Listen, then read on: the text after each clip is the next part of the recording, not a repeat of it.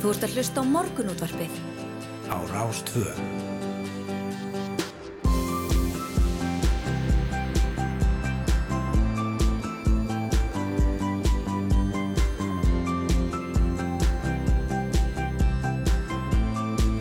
Morgunútvarpið Á Rástvö. Góðan og blæsaðan daginn, er Róbertsson og Hölda Gerstóttir sem helsa í morgunúndarpinu í dag, 5. daginn 14. júli, velkomin að fætur þeir sem að e, voru svona nötta stýrundar úr augunum eða svo voru alltaf vakta vinni fólki sem er kannski að fara að leggjast á kottan bráðum og stundur smá öfundar það, akkurat, þessa mínúnduna. Ég ætlaði bara að segja það Ó, ég verði til í það Já. Þetta er alltaf svona fyrstu mínúturnar Svo eftir svona hálftíma þá er maður orðinn svo brættur að maður þykist geta vakað fram á sunnudag sko. Já, já, ah. annars ég er bara nokkur rest, takk fyrir. Já, gott, já, já, gott bara nokkur velvaknaður. Það er gott að heyra Já, en eh, nógum að vera hjá okkur í dag við ætlum að eh, reyna aftur við það sem við eh, gátum ekki gert í gær vegna bílunar í syngkerfi í Vodafone.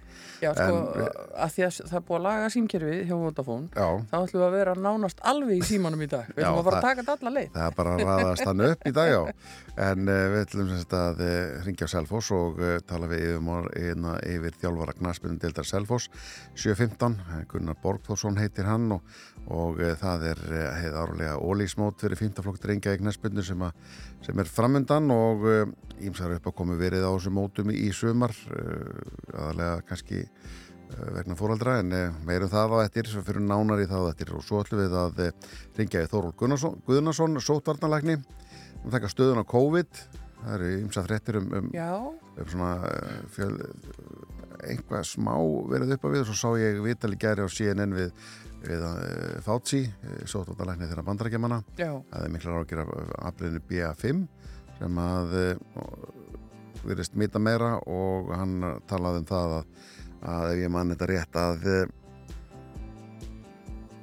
að fara að nota grímur innan dýra þar sem að í fjölminni já. og hérna aftur og það var hugsalegt saðan og endursmitt Já. uh, sérstaklega þeir sem fengu ómikrón þá verið það að vera öðvöldara fyrir þetta að bryðja að smitið það en, en uh, ég er svona rétt greipin í sá bara að einhverja þryggja minna bút úr viðtalinu við hann. Mm nú uh, meira sem við ætlum að gera í dag? Já, já, já. Kattolt Já, við ætlum að, að heyra núna í henni Hönnu Evinsen hjá Kattholti, við ætlum að, að taka stöðuna þar, við höfum heyrt af miklum fjölda katta í heimilsleit og, og, og þessi kettlíkaskortur sem að virtist viðvarandi COVID, hann er svo sannlega ekki til staða lengur. Og uh, við ætlum líka að fá, góður áð varðandi gæludýr og sumarfrí, hvað, hvernig þarf maður að, að, að undirbúa það að, að ef maður á kött og ætlar að fara í sumarfrí? Svo er leikdagur, það er uh, Ísland-Ítalija og EM í, í knaspinu og við ætlum að ringja út til Manchester og heyra henni Mist Rúnarsdóttur, hún er annars stjórnum til aðvarpsins heimavöllurinn. Það er fylgjað sérstaklega með hvenna knaspinu, við ætlum að heyra henni Mist eftir átta. Og uh, svo er það ögurball e, á, á Ísafjörði eða Vísafjörða djúb. Mm. Það er nefnilega gummul hefða að bjóða upp á rappa bara gröð með rjóma. Það, við vorum að tala um þetta í gær og núna nefnir þetta aftur og ég fæ bara vatn í munni er ekki einhver að núti sem vil gefa mér rappa bara graut með rjóma ég bara er í hugsa um þetta og er ég bara komin í eldhúsi heima á ömmu minni í Vestmannum og, og, og, og þetta er svo indislegt og svo gott og svo flott Já, svo ætlum við að loka þetta um á því að uh, tala, eh, sko, örfa bráðalökuna enn meira. það er að halda áfram Já, því að stærsta gödubita hátíð á Íslandi verður haldin í hljómskálargarðurum í næstu helgi og Rópa þar og Magnússon kýmur til okkur að segja meira. En blöðin, Já, ætlum aðeins að, aðeins að kíkja í blöðin áður en lengri er haldið. Nú, uh, á fórsíðu fréttablaðsins uh, segir hér að það sé gríðarlega eftirspurn eftir grænni orku frá Íslandi. Hugmyndur um útflutning rafeldsneitis á tankskipum þykja raunhafar og ráð þeirra segir að mögulegt sé að landsmenn verða að skipta við aðrar þjóður um eldsneiti í framtíðinni. Og uh, það er talað hérna með Guðmund Torbjörnsson, sérfræðing á verðfræðistofunu Eblu sem segir það sé orku krísa í kringum okkur og við sem getum orðið aflöfufæri verðum að spyrja okkur hver ábyrð okkar er í orkuskortinum sem blasir hvarvetna við mm. Og íslenska rávorkukerfi framliði sem sagt núna um 2,5 gigavött segir hér. Annað eins þarf til orkuskipta hér á landi að mati gumdar Já, það var mikið rétt um vindmilur og Benedikt, Benediktsson formaði sjástæðarflokksins og fjármarra á þeirra sæði gær ef að, með tímasetningana rétta en ég lasi þetta gær að, að það var jákvæmt í þessu hjá okkur að við höfum verið að eftir á, þá getum við lært að mistökum mannar að þjóði í þessu til að það bara alveg árætt hjá honum. Mm. og uh, það þarf einmitt að, að huga að þessu þegar verið vindmjölum og setja þetta á ekki út um all land heldur að uh, vera með einhverja stefnumótin í hvað þetta er sett niður svo þetta verður nú ekki mikil, að þetta er sjónmengun að þessu. En, en við þurfum að huga þessu. Jú, jú, og svo tala líka við Guðlúð Þór Þórðarsson umhverjus og auðlindar á þeirra sem segir forgangsmála að sinna orkuþörfum landsmannan til eiginnota en hann tekur þó fram að mörgum spurningum sé ósvarað, sérstaklega já, já. hvað var þar hvað var því rafeldsneiti Já, rafeldsneiti náttúrulega annað heldur en uh, rafmagn. En, en, uh, eða kannski svona samblandakóru menn að geti verið vettni í þessu líka það er rafeldsneiti en hérna þeir kannski tala að það engangum rafmagn, ég veit það ekki. En á fórsíðu morgunblansins í dag er um, tala við Björn Sóega sem er fórstjóri Karolinska sjúkurhósis í Svíþjóð og, og var í gæðir skipað stjórnaformaða landsbytarnans, í nýri stjórn landsbytarnans og um, Hann eh, segir að eh, það var fælka þau stjórnlegum á spítalunum og einfalda hlutina. Það er nú fyrir um fórstjóri landsspítalana sem þetta er eitthvað að þekka til. Mm -hmm. En eins og þetta vil verða á svona stopnunum og ég kannast við það frá öðrum sjúkurásum líka, segir hann, erum við komið með ofmart fólk sem er ekki að vinna við það þjónustu sjúklinga. Fjöldi þeirra sem hefur aukist meira en þeirra sem vinna í beinu sambandi við sjúklinga og það gengur ekki upp til lengri tíma. Það þarf ákveði jafnvægi í því. Við þurfum að fækka stjórnlegum og einfalda hlutina. Já.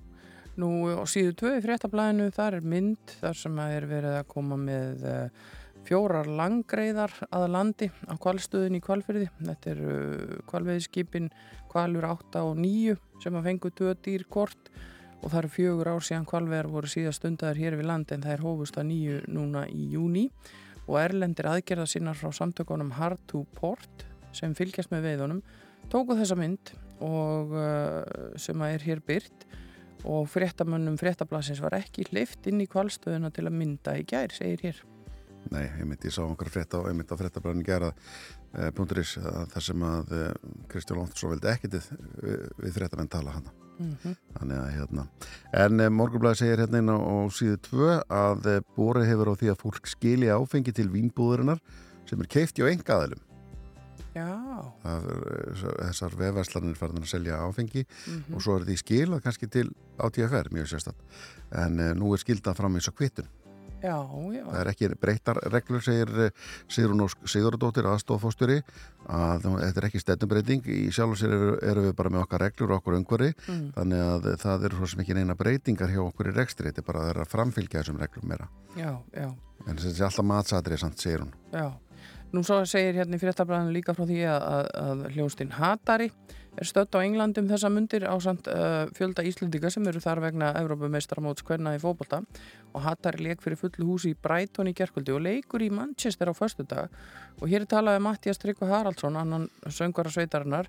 Þegar hann er spurður um hvort þeir ætla að skella sér að leikin, þá segir hann Ó guð, ég vissi þetta ekki eins og ég veit ekki æ, til æ, þess að meðlumir Hatara hafi áhuga fókbalta en við óskum öllu fókbalta áhuga fólki til hamingi með EM og óskum með þetta frábæri fókbaltakonunum árangus í sínu fægi þá vitum við það Það er gott að vera meðvitaður um umhverju sitt samt sem aður það er bara svo leitt en þetta var að vera sér nýtt lag á dögunum. Já, já. Samið við, við sig, þetta er bara í þeirra stíl flott lag.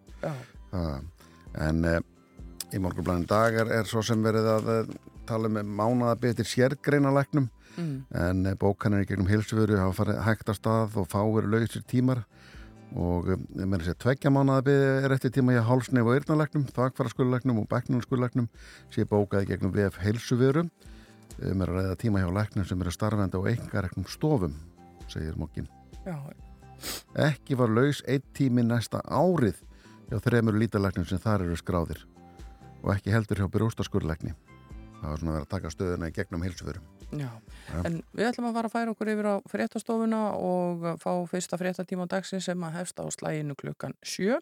Að fréttum loknum komum við aftur hér inn í morgunútarbið og hefjumst handa við að heyra í áhugaverðu fólki um alland.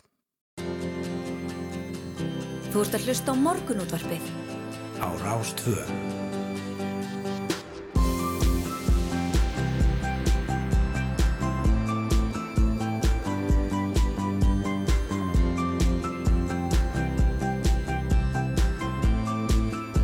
morgun útvarpið á Rástföð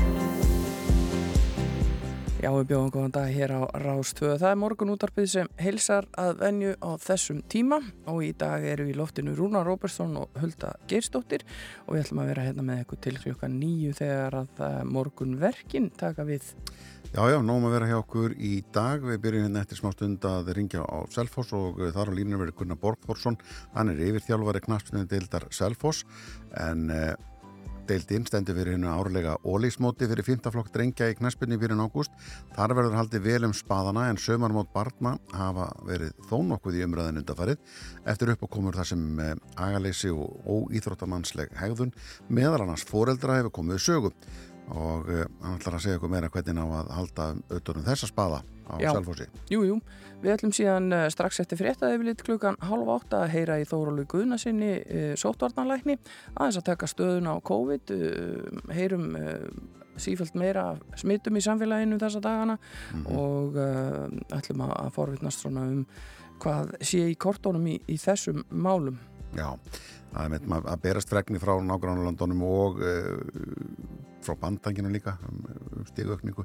Við sjáum ekki alveg hér eitthvað svaka bylgi að fara að staða en eitt slíkt ekki í, í hérna, mælingum inn á COVID.is en hafa bara í huga að við, það er ekki skimanir reglulega í gangi. Nei, þannig að það eru er... fleiri smiti í gangi heldur en við vitum um. Já, svona ofinbeglega minnstakosti Nú, svo ætlum við að tala við hann að hönnu Evinsen hjá Kattholti, við ætlum að taka stöðuna þar og fá góð ráð varðandi sumarfrí og kísurnar okkar í leiðinni Já. og svo eru þetta ekki hægt að fara í gegnum daginn í dag að þess að hitta upp fyrir knaspunuleik dagsins.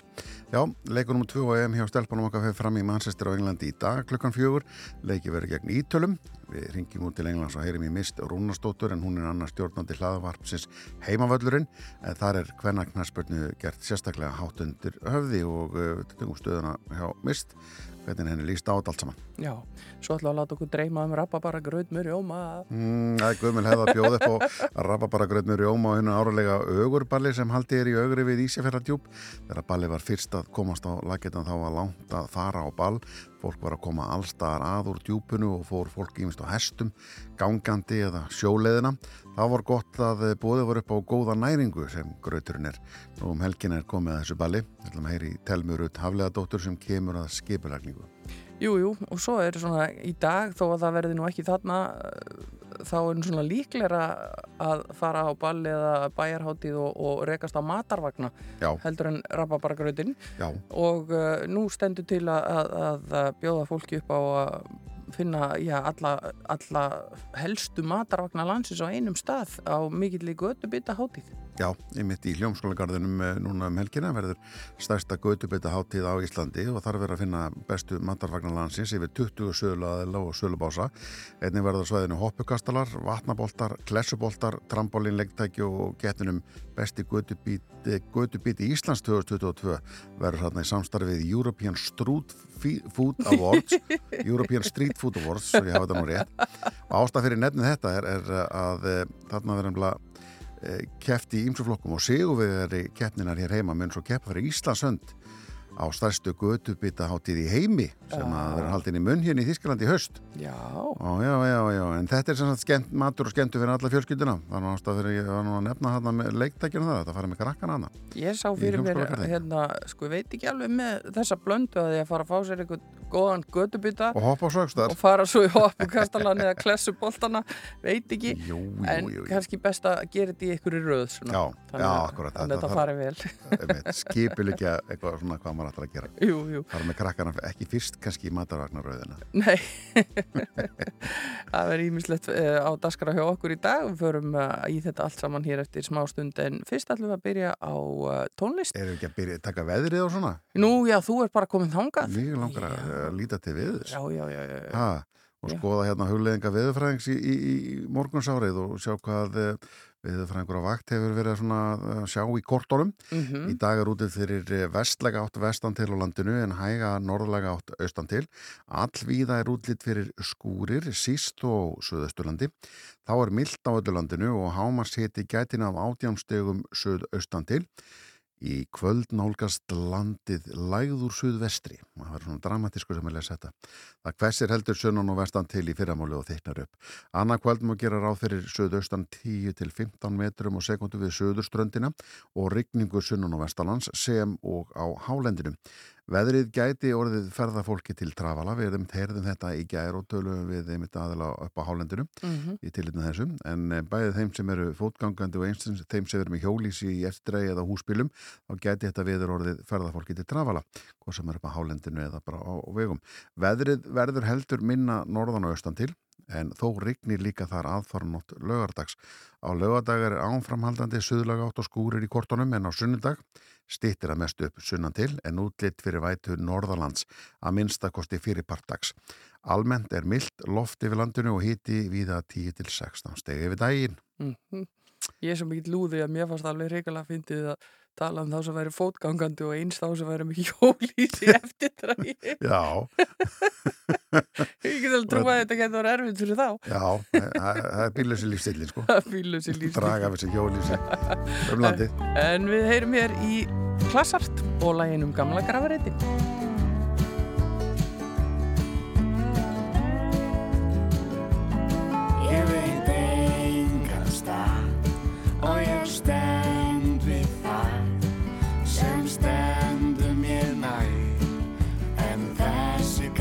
Bær en hann getur kært og hann getur svært. Gamli graviturinn það er bærin minn. Er hann fer á stjá engan friðir þá að fá.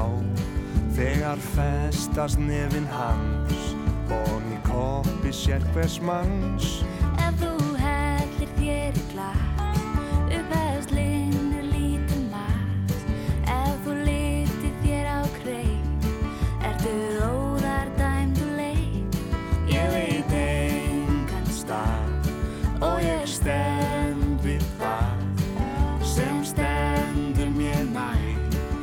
En þessi gamli bær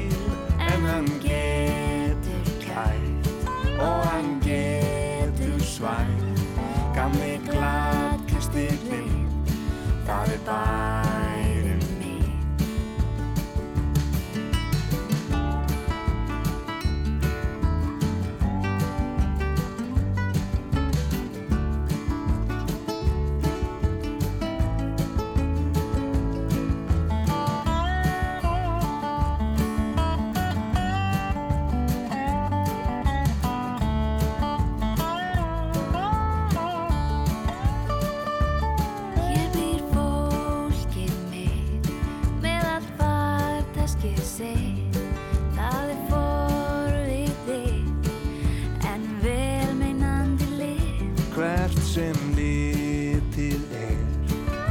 blasir ládeiðan mér, samt laðast ég að þessum guð svo laðast að. Ég veit engan stað og ég stend við það sem stendur mér nær, en þessi gamli bær,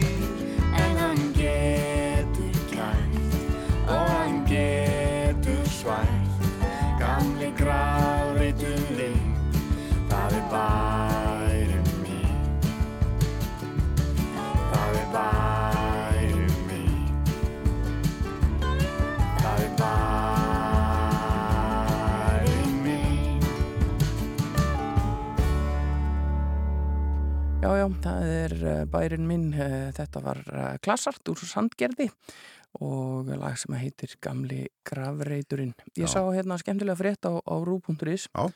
um kýlingin Simba sem geti komist í heimsmyndabók Guinness. Já, Þetta er kýlingur í Pakistan erði ég sá þetta í tífrættum í gerð. Já, og hann er sagt líklega með lengstu eyru í heimi. Já. Og sagt eigandi hans rak upp stóru augu þegar hann fættist með 48 cm löng eyru og hann rannsakaði máli og komst að því að kýlingur sem fættist í Sáti-Arabíu ætti heimsmyndið, það eru 43 cm og hann því búin að hafa sambandi heimsmyndabók Guinness og hefur umsóknin verið samþygt og eftir nokkra vikur gæti Simbi fengið napsitt skráði í heimsmyndabókina.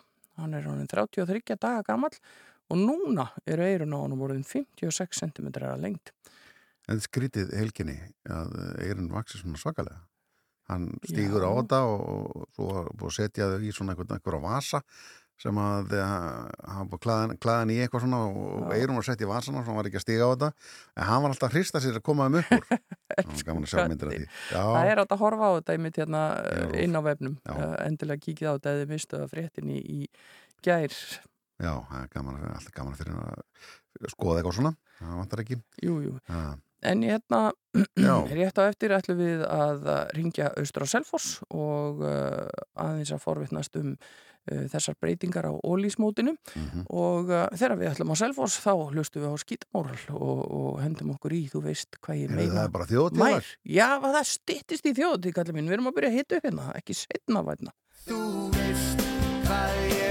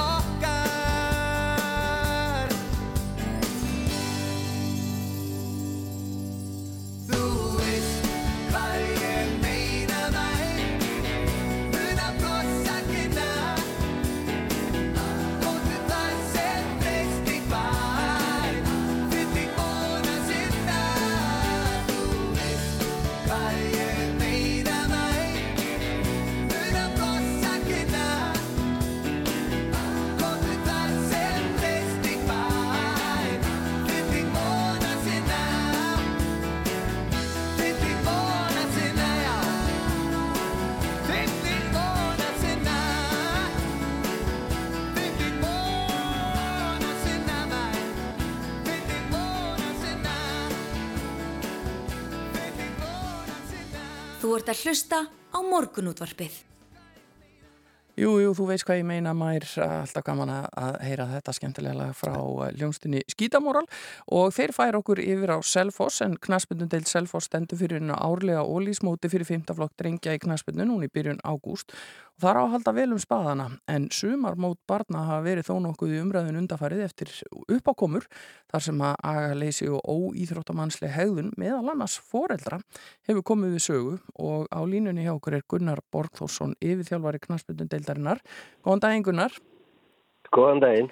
Eh, Þið ætlið að vera með ímsa nýjungar á mótunni og ykkur svona til þess að bæta umgjörðina.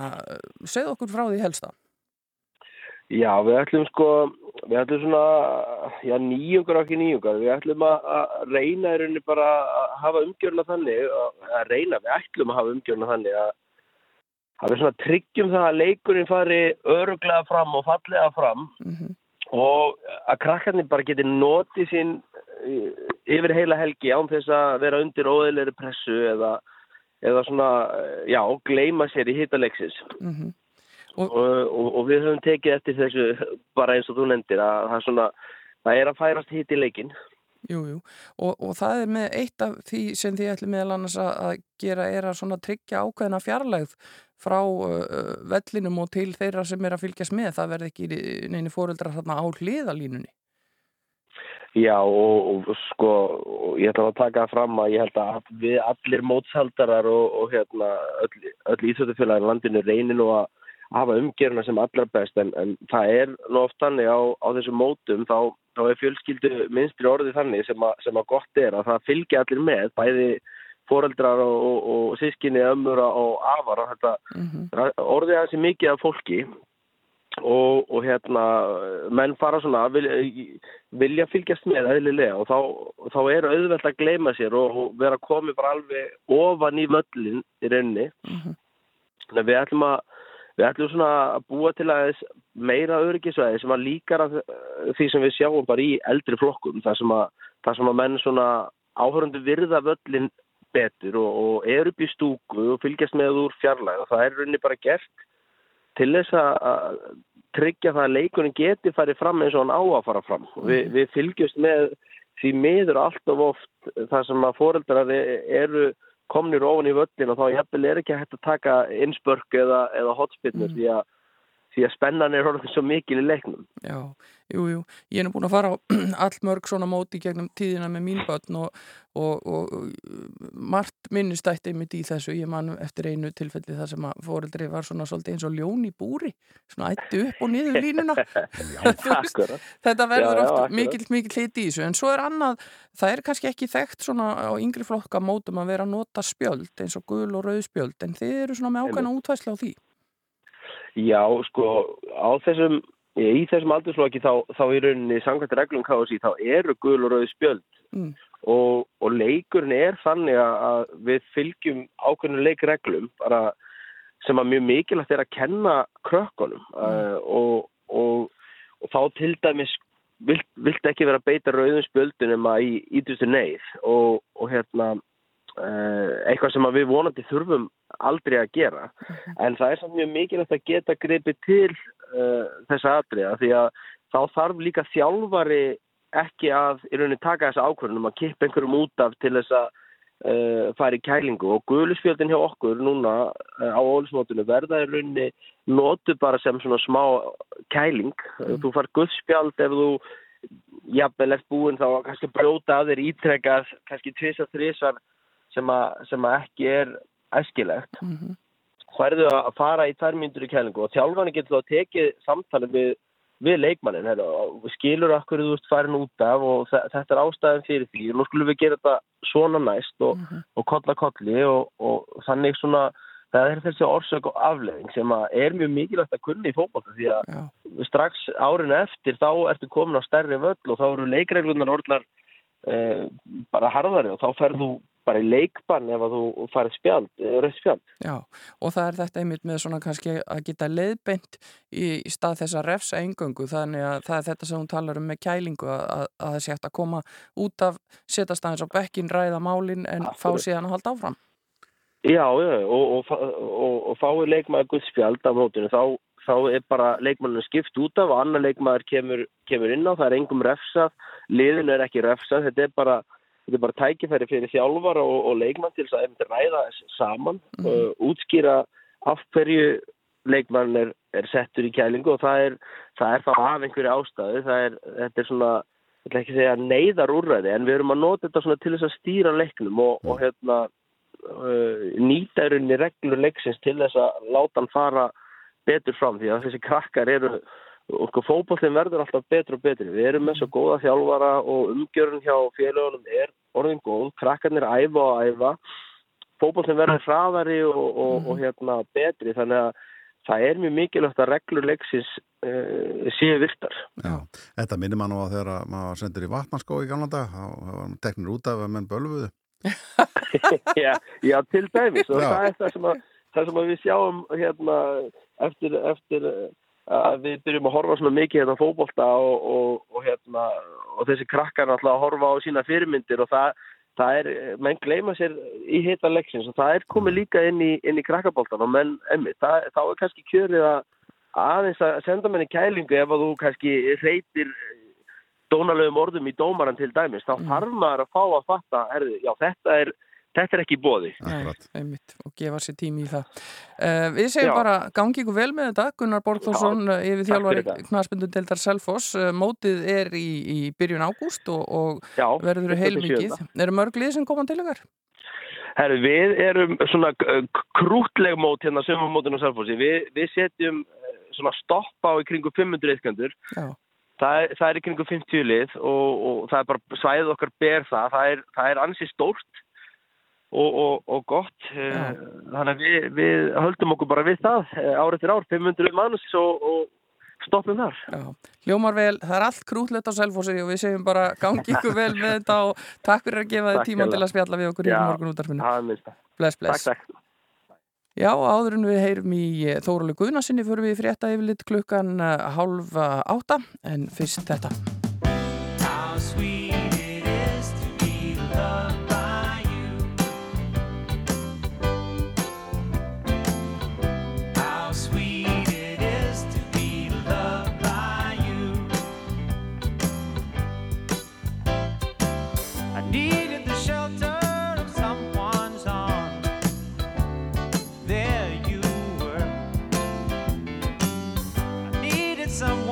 Understand my ups and downs.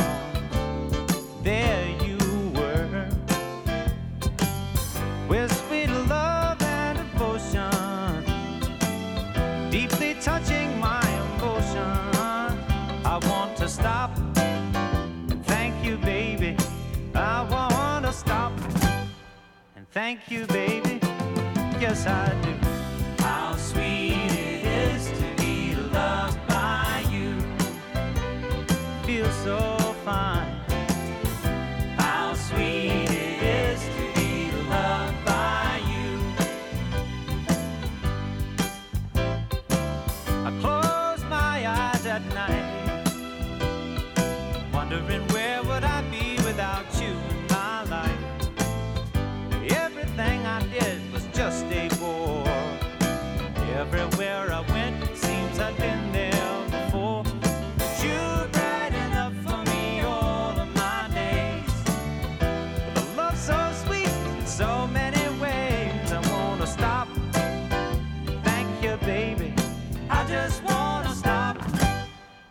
Thank you, baby.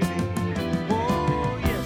How sweet it is to be loved by you. It's just like sugar sometimes.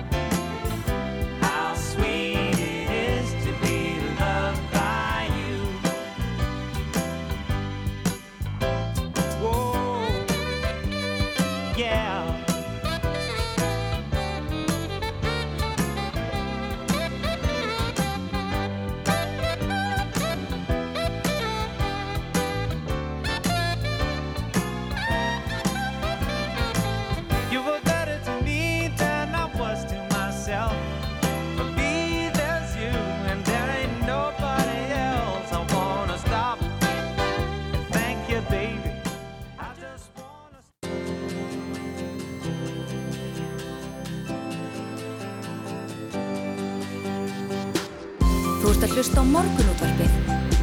Á Rástvö.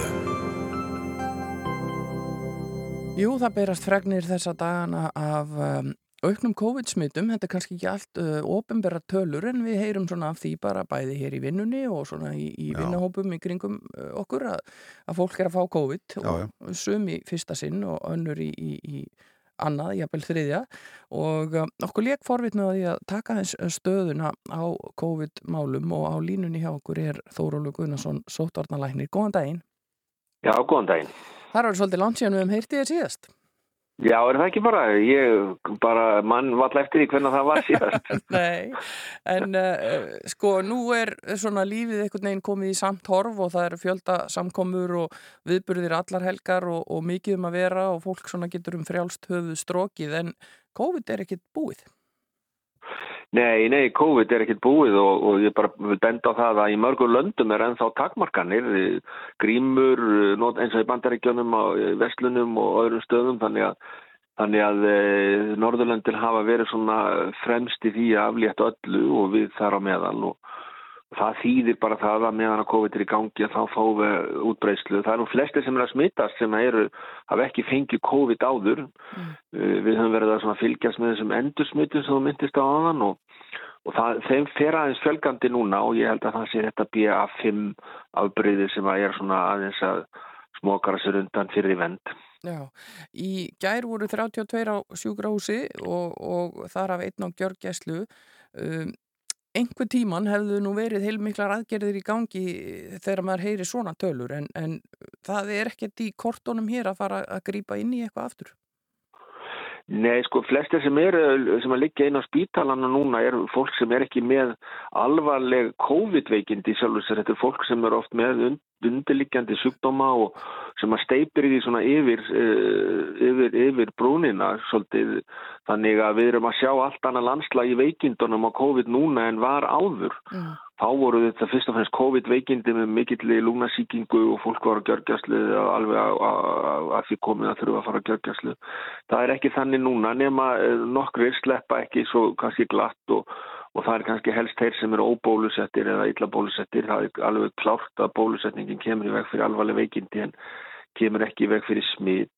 En svo er náttúrulega þetta afbreyði sem er að ganga núna eins og þetta BA5 að það er bara svo rosalega smitandi að við þurftum að vera með mjög harðar aðgerðir í, í samfélaginu ef við ætlaðum að hafa einhvern almennilegan heimila á útbreyslun en þannig ég held að sé ekki þörf á því og ég held að myndi vera erfitt í framkvæmt líka. Já, nú er eh, svolítið síðan að, að eh, fólk, svona almennar, eh, hérna, almenn bólusetning var í, var í gangi, er komin tími og að, að eh, fríska upp á, upp á þá vörn hjá okkur eða eh, með, sérstaklega út af þessu BA5?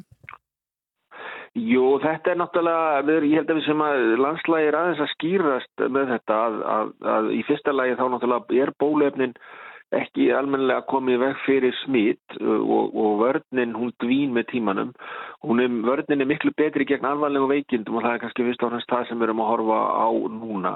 Þannig að við erum að horfa upp á höstið hvort að hvort það þurfi ekki að bjóða og það er eins og flestir aðrir er að gera að bjóða þeim sem eru 60 ára og eldri kannski endur bólusetningu í haust alveg bursi frá því hvort er að það fengi þrjára eða fjórar bólusetningar bjóða þá fymtu bólusetningunni eða fjó- fjórðu og, og það er bara stór spurning er, er þetta meðan að COVID er að ganga erum við að horfa upp á það að fá svona árlega bólusetningu eins og influensu það gæti vel orðið en Svo er bara annað líka, svo er að geta komið ný, ný afbreyði sem að breyta þessu öllu og, og krefjast þess að við þurfum að fá ný bólefni og kannski öðruvísi aðgerðir. Þannig að þetta við erum bara ennþá að standa í þessu og, og, og fylgjast með hvað við þurfum að gera. Já, Já. ég sé hérna að allþjóða heilbreyðstofnuninu segir að síðasta halva mánuðin hafa sé 30% aukningu í smittum.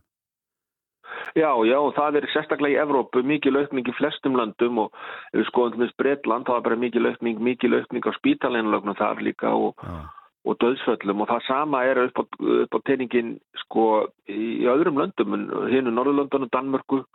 Þannig að þetta er bara, við erum að sjá þessa útbreyslu en ég held að við séum í eins góðri stöðu núna hér á Íslandi eins og frekast er öll við erum með mjög góða þáttöku í bólusetningum og það hefur tekist bara vel að gefa þessa fjörðu bólusetningu það eru um 50% og rúmlega 50% af, 80 ára eldri sem hafa farið í bólusetninguna.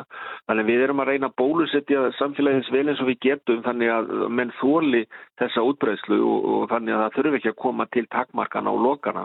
Já, er engin þróun í, í, í bólu efnunum? Vorum, þetta fór alltaf að gert í, í miklu látum til að koma á staða sín tíma vantarlega að vera að þróa bóluefnin ánfram eða ekki? Jú, jú, það er náttúrulega verið að skoða alls konar útgáður af því og það eru til margar mismunandi tegundir af bólefni sem er að koma á markaðin en virðast nú bara að vera svona svipuð virka vandin við bólefnin eru eins og þau eru í dag er að þau mynda ekki ónæmi á slímhúðinni eins og þeim í nefinu og í öndunaveginum og það, það er þanga sem að veiran kemst fyrst og þannig kemst þau inn, inn í líkamann. Ef við væri með bólefni sem að gæfa okkur góða slímhúðavörn og, og svo almennavörn þá myndum við bara losna við þessi smitt en þessi veira er bara slóttu og erfið viðreglar. Já, en talandum þessa fjóruðu spröytu, uh, þar er auðvitað verið að horfa til elsta hópsins eins og nefndir, en, en líka kannski fólk sem er með undirlikjandi sjúkdóma, hvernig á fólk að snúa sér í þessu ef að það vil komast í fjóruðu spröytu? Það á bara að ringja á helsugjastlun og panta, fá panta í, í spröytu og það, er, það geta allir mætt sem vilja. Það er þó, þó að við sem að tala um leggjum höfuð áherslu á eldra fólk og þá sem eru með undirlíkjandi sjúkdóma ef einhver er yngri og er telur sér vera viðkvæma fyrir og vill fá fjóruðu þá á það að vera auðvelt. Já, og það er í gegnum heilsugjastlur að bara. Já. Já, ég, Dr. Fauci í, í bandarækjanum, kollegiðin þar, hann, hann segir að, að, að vörninn hafið þú smitast eða síðastu fyrst bólusetningu, þetta hverfur mig fljótt, varandi allan að gagvar þessum BA5?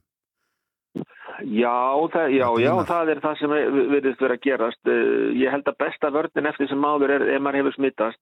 Ef maður er fullt bólusettur og smittast þá er maður með einn skoða vörnin sem mögulegt er. Við höfum verið að skoða þessi endursmitt núna og, og, og til dæmis þeir sem að smittuðust sko hérna í fyrra 2021, fyrra árinu og 2020, það er miklu meiri líkur á því að þeir sé að, að, að smittast aftur núna. Já. og það gæti verið út af tvennu, það gæti verið út af þessum afbreyðum sem að, uh, þeir smituðs með og svo þessu nýju ómikronafbreyði eða þá að vörninni bara fann að dvína svona með tímanum, það er alveg mögulegt. Þannig að þannig ég held að sé svona sambland af þessu tvennu að, að vendin, ónæmisvendin hún svona hverfur og minkar með, með áronum eða með tímanum og svo bara koma nýja afbreyði sem að sleppa betur undan og þegar þetta tvenn fer saman að þá þá getur við séð svona útbreyslu. Já, ég sá okkur að frétt um daginn þar sem var verið að tala um svona samanburðin á Danmörku og Svíþjóð þegar að koma aðgerðum og það er svona niðurstaðan væri nokkurt með eins og sama þráttur að það hefur verið tekið mjög ólíkt á málum í þessum tveimur löndum. Eru þið farin að horfa eitthvað í baksín í speilin og íhuga hvort að rétt var haldið á spöðunum í öllum aðgerðum hér á landi? Já, sko, já, jú, jú, við, við erum allavega, fyrir okkar parta erum við fara að byrja á því að skoða sko, hvernig okkar viðbröð voru, það, það eru margir að skoða þetta og það er að skoða þetta út frá mörgum sjónarhóttnum. E, ef við bara byrjum, tölum um þessa, akkurat þessa frétt, ég hef nokkið séð þessa greiningu, sko, ég, ég hef ekki séð hvernig, hvernig þið byrja þetta saman. Eh, ef við bara berum okkur saman þá við Dani og, og Svíja þá getum við sagt það að, að við sáum ekki umfram döðsföll hér á Íslandi 2020 og ekki 2021 þannig að ef að Danir hafa við vissum að það voru mörg döðsföll umfram döðsföll í Svíþjóð árunni 2020 og ef að Danir hafa séð umfram döðsföll 2021 þá eru við allavega ekki í þeim flokki eins og, eins og þau eru að tala um En það, þetta fer bara eftir því hvernig menn sko nálgast þetta, hvað aðferðafræði menn nota, hvernig menn telja um framdöðsföll. Þannig að þetta er bara mjög áhugavert en ég held að við hefum eftir að sjá miklu meira svona uppgjöru. En það var náttúrulega byrkt uppgjöru daginn, eh, sko alþjóðlegt uppgjöru um, um, um framdöðsföll.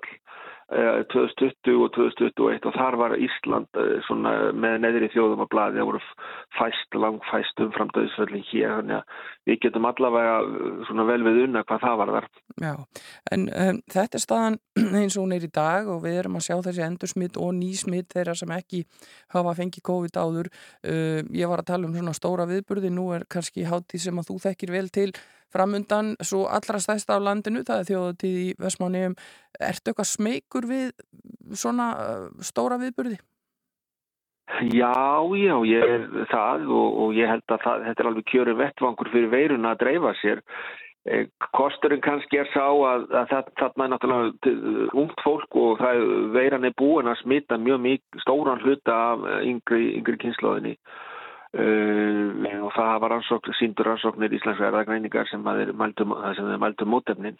Þannig að eh, en hvernig það svo getur smitast út frá því fólki sem þar verður yfir í eldri, eldri einstaklinga og það, það er ákveð áhyggjuefni. Ég held að við megum alveg búast við því að sjá einhver aukningu en, en það sem maður er náttúrulega vonast til núna að þetta haldi, sé, við, að bara það stór hluti af þjóðinni hafi smitast að, að, að, að þetta haldi svona í horfinu. Við höfum séð að þetta er svona nokkuð svipaði fjöldi núna undanfærið, rúmlega 300 manns á dag sem er að greinast svona ofinberlega en svo er alltaf einhver aukarlega sjálfur sem er að greinast en fara ekki í þessi ofinberu próf og, en þannig að maður alltaf að vonast til það að þetta ónæmi samfélaginu haldi og, og, og við verum bara trúa því og vona það en, en hérna þjóðóttiðin ég, ég veit ekki hvernig það verður það verður örugglega gaman bara Já, þá er það loka spurningin. Fer Þórólu Gunnarsson á þjóðatíð? Nei, ég er hættu því, ég er svona ég fer fer að góslokkin, mér finnst þau miklu skemmtilegri Já, Já, já, já. En vonandi fer þetta allt vel og, og uh, gott að heyri þér aftur og taka þess stöðuna. Takk kjærlega fyrir spjallið Þórólu Guðnarsson, sótvarnarlæknir. Við ætlum að, enda þetta spjall á að, að hendi einn makartni fyrir því. Takk kjærlega. Já, takk fyrir, takk kærlega Bless, bless.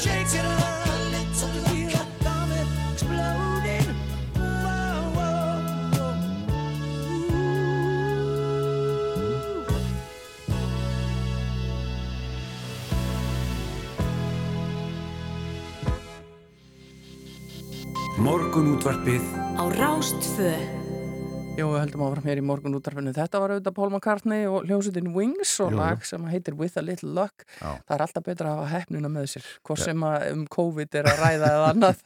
Já, það er alveg, alveg ábyggilegt og, og uh, við slum bara vona að þetta fari á besta veg, séu ekki, fyrir maður ekki sjá einhver, einhver, einhver hækkun í smitum og öðru slíku, en hérna að eins og Þórólur sagði og skulum vona að ég harð óna með haldi. Já, við gerum það en í leiðinni sendum auðvitað góðar bata kveðu til þeirra sem eru þarna úti að glíma við COVID Já. akkurat núna því að þau eru þó nokkur. En já, við getum sagt svona í, í tengslum við COVID að þá færum við okkur yfir í kettina. Það voru mjög margir sem fengur sér kött eða kettling í Já. COVID og uh, nú berast uh, fréttir af miklum fjölda katta í heimilisleit og þessi kettlingaskortur sem var viðvarandi í COVID er svo sannarlega ekki lengur til staðar og nú eru það sumarfríin líka og á línunni hjá okkur er hún Hanna Evensen hjá Kattholti. Góðan daginn Hanna. Góðan daginn. Við erum svona að velta fyrir okkur eh, já, ráðstöfunum sem fólk þarf að gera. Nú eigar, eru margir sem eiga gæludýr og, og margir sem eiga, mörg sem eiga ketti. Hvernig er staðan hjá ykkur í Kattholti? Það er væntalega allt fullt á sumarhótelinu. Já, það er allt stappfullt og það var nú bara þannig að við hérna, náðum ekki að annað eftirspurt þannig að við yfirbókuðum á hótelið og Já. það hefur nú bara aldrei gerst að, hérna, að við getum ekki einu sinni tekið bygglista af því að ef það losna pláss að þá er laust fyrir yfirbókanirnar. Já, og, og, og, og ef að hérna, engin afbókar að því, eru þið þá bara að fara heim með þessa ketti sem út af standa eða? Já, góð spurning. Við hérna, erum búin að gera alls konar aðstafanir. Það er og sko, heilmikið pláss í kattolti þótt að séu kannski ekki þessi tildeknu búr. Mm. Um, við buðum einum hótelgesti sem að kemur ansi oft. Hann er svona einn af þessum bara fasta gestum hjá okkur. Já. Uh, hann er svona tegund sem að verður svolítið kallt Ah. og við buðum honum að, að gista á starfsmanna klósetinu og sem, sem hann þáði. Það er opnin aðeins harði heldur en... heldur en fram. Já, Já, þannig að það er hægt að leysa ímislegt. Já, já. Akkur, akkur kemur hann alltaf eh, reglulega til ykkar þessi? það er bara Hefur sem hann, hún er líður mjög vel hjá Já, okkur já. og eigandin er bara í þannig vinnu, hann, hann þarf að vera erlendis Ég skildi, ég skildi. Og hérna, já, En þannig að þetta hefur bara gengið ansi vel. Já, hvað eru margir kettir hjá okkur þá þegar það er svona fullt og, og yfirfullt? Já, það, það komast 50 kettir inn á hótelið Já, og svo er náttúrulega í kringum 20 kettir inn í atkvarfinu sem er ekki allir í heimilisleit þó en svona á, á leiðin í heimilisleit Mhm. Og þannig að já, við erum með svona 71 með þessum minna baði. Já. hvernig, Sem hvernig kemur þeim saman? Svona, Öllum kvættanum. já, ég menna, er slagsmál og eitthvað vissin? Sko, maður heyrir alveg hvæs, það er náttúrulega bara þannig að það kemur ekki öllum saman, það Nei. er bara alveg eins og okkur mannfólkið, við getum ekki alltaf verið í sama rými endalaust, en við reynum alltaf að skipulegja rýmin þannig að, að þeir sem að eru rólegir og geta verið með öðrum göttum eru þá saman í herbergi Já, og hérna við erum með allt sko niður skipt og niður holfað, þannig að akkurat út af þessu að við getum þá skipt niður. Já. En uh, sko það er allt fullt hjá ykkur en auðvitað mi- miklu fleiri sem ætla sér að fara í ykkur sumarfrí. Uh, getur þú gefið okkur sem eiga ketti og, og, og vilja fara í frí ykkur góð ráð? Er fólk að taka kettina með sér í sumarfríin innanlands eða eh, hvað er best að gera? Fá okkur til þess að koma heim? Hvernig er, er best að gera þetta? Já, ég hef nú alveg heyrt um svona ferðalagaketti sem að líður bara vel í bíl og, og eru bara aðlunarhæfir í sumabústað eða jafnvel í tjaldi Mm. Og það er bara um að gera að leifa kettinum að upplifa ef, að- ef að hann þólir það. Uh, fyrir mín að svona persónulega skoðun þá myndi ég alltaf vilja fá fjölskyldumöðlum eða einhvern veginn heim til að sinna mínum köttum. Mm Um, annars köttur minn verður svolítið stressaður í hótel aðstæðanum, sérstaklega ef það er allt fullt á hótelinu -hmm.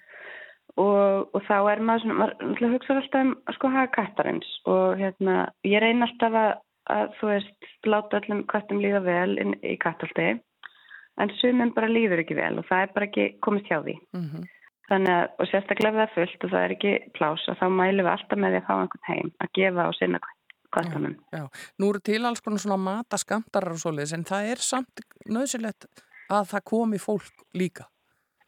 Já, kettir eru félagsverður. Já. Þeir, þeir þurfa nærverum fólks og, og hérna, og sumir, hérna, já, sumir er bara mjög háðir mannfólki, þannig að það er alveg nöðsilegt að það sé einhverju sinna eins og. Já, nú er þekkt erlendis við að, að fólk taki að sér að passa hús og gæludýr og þetta er kannski einhver hefð sem að við Íslendingar ættum að fara að skoða betur.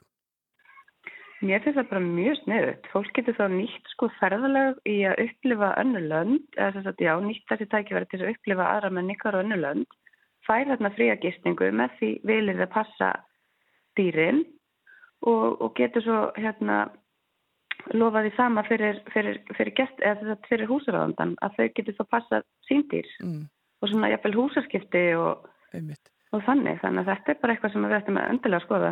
Já, og það maður séð uh, fregnir einmitt uh, frá ykkur meðal annars og, og, og öðrum samtöku sem er, er að uh, leita dýrum annars lít, bara ljótar fréttir að, að, að, að það sé verið að fara með heimiliskettin í annar bæjarfélag og skilja þá þar eftir til þess að losa sig við þá. Já, það er sem betur fer ekki mikið af því en auðvitað syllir mann alltaf um leið og maður heyrir fregnir af þessu. Já, þetta er alveg merkilegt, hérna- þetta, þetta, þetta, þetta er hugar. Hva, hvað myndur þú mæla með að fólk gerir ef það er í þess, það er komið í þessi vandræði að þetta sé úrlösnin? Já, ég bara á rosalega erfitt með að mæla með einhverju fyrir svona, sko, þú veist, já, ég bara, já, erfitt með að setja mig ba- í beggjaspor, bæði þeirra, þeirra sem að taka kettina og líka eiganda kattana. Ég bara, Já. ég var mjög erfitt með þetta, þannig að ég veit ekki hvernig, hvernig er best að vinna á þessu. En ég En- veit en- að allavega í þessu tilveki sem þú ræðir, ég veit að lauruglan er komin í máli og það er kannski bara best að leifa þeim að sinna því. Já. En, en eru þið að taka á móti svona köttum þar sem bara fólk er kannski komið í þær aðstæður mm, af ýmsum orsökum, það geta jafnvel bara verið veikindi eða eitthvað, að það þarf að, að losa sig við gæludýrið. Um, Getur fólk komið til ykkar í kattholti og leita til ykkar í, í þessu samengi? Já, við getum aðstofa við að finna ný heimili og við reynum alltaf að gera það fyrir alla en eins og staðan er núna að það er fullt í atkvarðinu að þá hérna, mælum við með því að fólk reyna að auglýsa sjálft mm. uh, annarkvæmst í gegnum dýrahjálp eða bara á Facebook síðanum og sjá hvort það sé kannski einhver nákominn sem að geti tekið köttin að sér af því þá líka veit fólki hvert kötturinn fer Mm. en, en svo getum við kannski endur skoða eftir, hérna, eftir sumartrafikina og kannski getum við tekið á, á mótið um að hjálpa þeim þá. Já. Þannig að en við viljum náttúrulega hjálpa öllum. Já, auðvitað, uh, það er það sem að Kattholt og starfseminn þar gengur út á. Uh, gangi Já. ykkur vel uh, með sumarhótelið og, og, og allt ykkar starf sem er auðvitað mjög gott og uh, vísum fólki bara auðvitað á heimasíðun ykkar eða vil kynna sér ketti sem eru í heimilisleit eða leita frekari upplýsinga. Uh, takk, Já, endilega. takk hjálpa fyrir að vera á línunni, Takk. Hanna Evensen hjá Kattholti og gangi ykkur sem allra best. Takk fyrir það. Bless, bless. Já, við höldum áfram hér í morgunútarpinu, það eru fréttir á slæginu klukkan 8 og að þeim loknum ætlum við að fara að hita svolítið upp fyrir leikin í dag. Já, það er eitt dagur. Velkomin Strík framan úr mér mesta hárið Norðangarinn fengi mér um kollin á þér sem þú liggur á grúfu Andar að þér flóru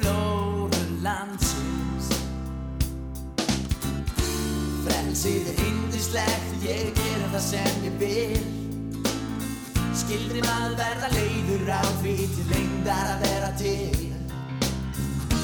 Frelsið er indislegt, ég gera það sem ég vil.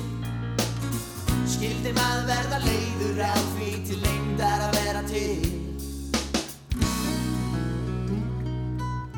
En er fullt af mold sem lyktar annars ágætlega Getur fólk átt erfitt með að tala? Samt segir þú mig sannlega frá Öllu sem þér býr í brjósti. Liggur á bakinu Lætur tíman líða.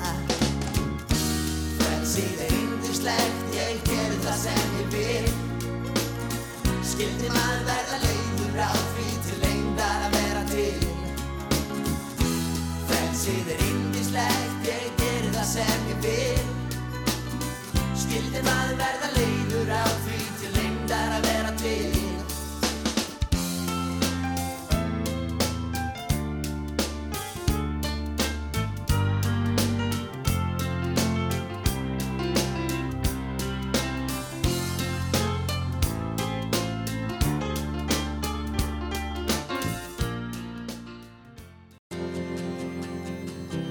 ert að hlusta á morgunútvarpið. Á Rástvö.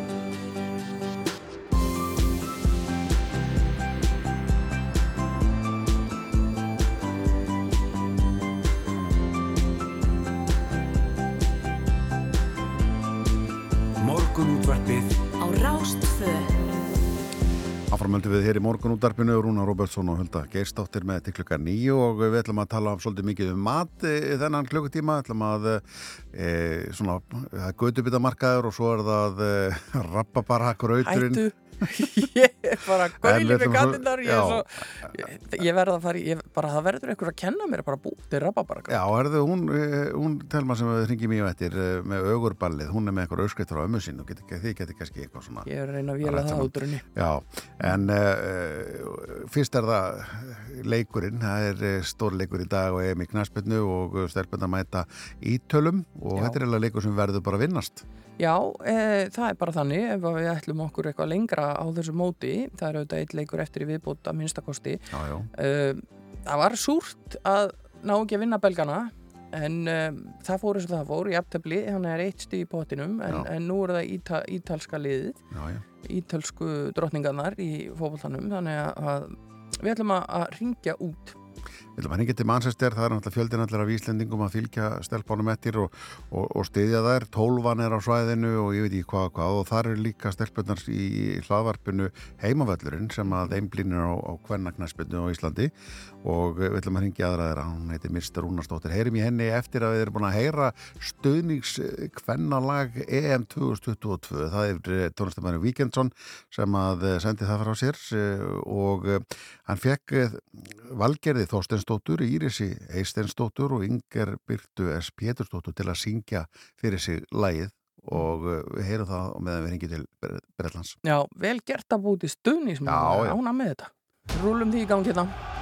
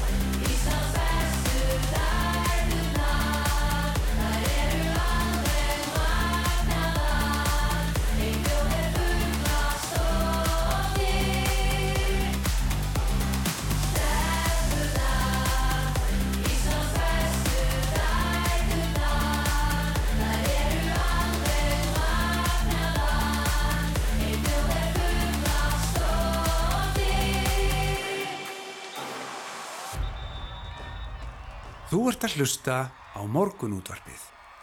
Já, það er svo sannlega rétt sem þarna, kemur fram í læginu stelpunar, þær eru magnaðar. Já, þær eru magnaðar og eh, er að fara að spila leiknum 2 og EM í, í knaspinu og uh, þetta er uh, og þær spila í Manchester, England, England Já, heimvít. fyrir þangað en hérna, leikurinn klukkan fjögur í dag og verður líst beint hér á, á, á Rástvö Já. þannig að sítið sútarpið fellir niður og við löstum að lýsingu vantarlega Þorkjels Já. hann er aða lýsandinn hérna og hörsku flottur í þessu En Ég hlustaði nefnilega á fyrsta leikin í útarpinu því ég var að keira frá landsmóti hestamanna Já, og ég verð að segja það, ég ætla að rósa Þorkili fyrir lýsinguna það, maður þarf eiginlega ekkert að hafa sjónvarp þegar hann er að lýsa í útarpinu, maður nær alveg að lifa sér inn í þetta. já, já, algjörlega og lýsi því sem að framferði það sem við sjáum ekki Já. En uh, aðeins öðru sjótaslýsing heldur en sjómaslýsing en, en hvað er það? Að, að, að, þetta er svona leikur sem að uh, við verðum að vinna og uh, eina af þeim sem að fylgist vel með kvennagnarspindin hérna heima er Mist í- sem er annars stjórnandi hlaðar sinns heimavöllur hún á línunni okkur, sælblessuð Já, góðan daginn. góðan daginn, hvað hérna hvað er þú búin að vera lengi hérna úti? Þetta- Fórstu bara fyrir fyrsta leik eða hvað? Já, ég fór hérna tveim, tveim dögum fyrir fyrsta leik og Já. svona tóku dagstæður og, og við erum bara búin að vera að hafa það hérna hugulegt síðan og ætlum að vera bara eins lengi og, og stelpunar okkar eru, eru með. Já, eh, svo við byrjum kannski á fyrsta leiknum við Belga við áttum nú kannski að vinna þann leik, fannst þið það ekki? Jú, þetta var alveg fríkælega svekkjandi svona eftir á Já, og hérna, jú, jú, bara, þú veist, maður því að manni fannst fram, framistæðan vera bara mjög fín heilt yfir og já, fannst það svona vinna, vinna fyrir því að fá eitthvað meir út úr þessu, þannig að þetta er, það var hundfúlt. já eitthvað sem að uh, þú sást sem að þær hefðu eða þjálfara teimi að geta gert sem til að bróta þetta upp? Um, veist, nei, ég meina það er náttúrulega bara í fótbolta að nýta færin sín og, og, og, og vanda sér betur þegar að kemur að því að, að búa, búa færin sín til. Um, ég hef kannski alveg verið til í að sjá þessar skipningar örlíti fyrr sem voru gerðar en, en hérna aftur á móti þá uh, fannst mann í Ísland vera með það fín tök á leiknum að, að hérna það hefði kannski líka verið villis að fara eitthvað að róta til Mm. og snemma. Það var bara, ótrúlega svona svekkjandi. Já, en þetta lið sem við mætum í dag, ítalska liðið, uh, hvernig lið er þetta? Þurfum við að spila öðruvísi leik en uh, gegn belgum?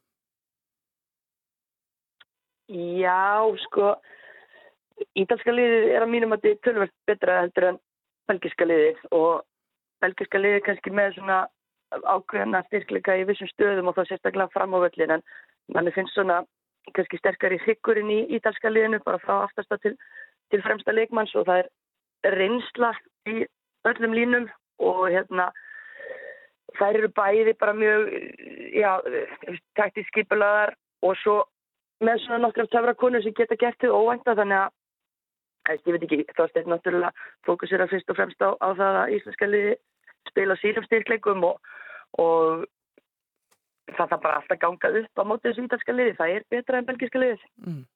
Hvað með aðstæður? Nú höfum við heyrt fréttir af, af, af mikill hitabilgju á Breitlandi. Uh, er spáð miklum hita þetta í dag? Með og ég að vona á því að þetta getur orðið bara erfitt og, og, og bara jafnvel að köflum hættulegt að spila í svona miklum hita. Já, allan að klárlega erfitt. Ég er nú ekki búin að hérna, uppfæra síðustu spár en, en það var alveg, alveg nógu heitt hérna, í síðasta leik og, og mér skilst að ég að vera hérna, meir í dag og völlurinn svo sem ágetur upp á það að gera að hann svona nærhaldi að skila bæði áhörundum og leikmennum þokkalega. En, en hérna en þú veist, jú, þetta er náttúrulega rosaleg, rosalegt hérna eh, að vera að spila í einhverjum 30 pluss 30 gráðum og steikjandi sól og, og, og allt saman og, og bara það að, að einmitt lappa á völlin síðast við vorum alveg, það voru engar sjóppur sem var að selja vatna en eitt veist, lengst af á leiðinni og, og langar raðirinn á vellinum þannig að ég vona veist, að, að slík skiplegning væri betri fyrir fólk í dag og, og mér skilst að fólk megin og taka með sér hérna litlar vassflöskur og það er þá allavega stigið næsta átt en ég hef ekki hugmynd um hvernig leikmörunum fannst að spila það var nú ekki að kvarta eftir síðasta leik en, en þetta tekur náttúrulega rosalega orku. Já, það er um að gera einmitt fyrir áhörundar að uh, undirbúa sig undir sólin allan. Ég tók eftir í myndi fyrsta leiknum að vera svona myndir úr stúkun og slíkt að við Íslandi vorum ekki alveg kannski klárir í það að vera með höfuðfötu eða einhvað Nei. og maður voru konum með leikskrána yfir höfuðið, sko. Það er ekki alveg búið að hugsa þetta til enda, við erum ekki alveg vunnusu. En ég sé hérna í viðspáni að við þurfum ekki að ágjöra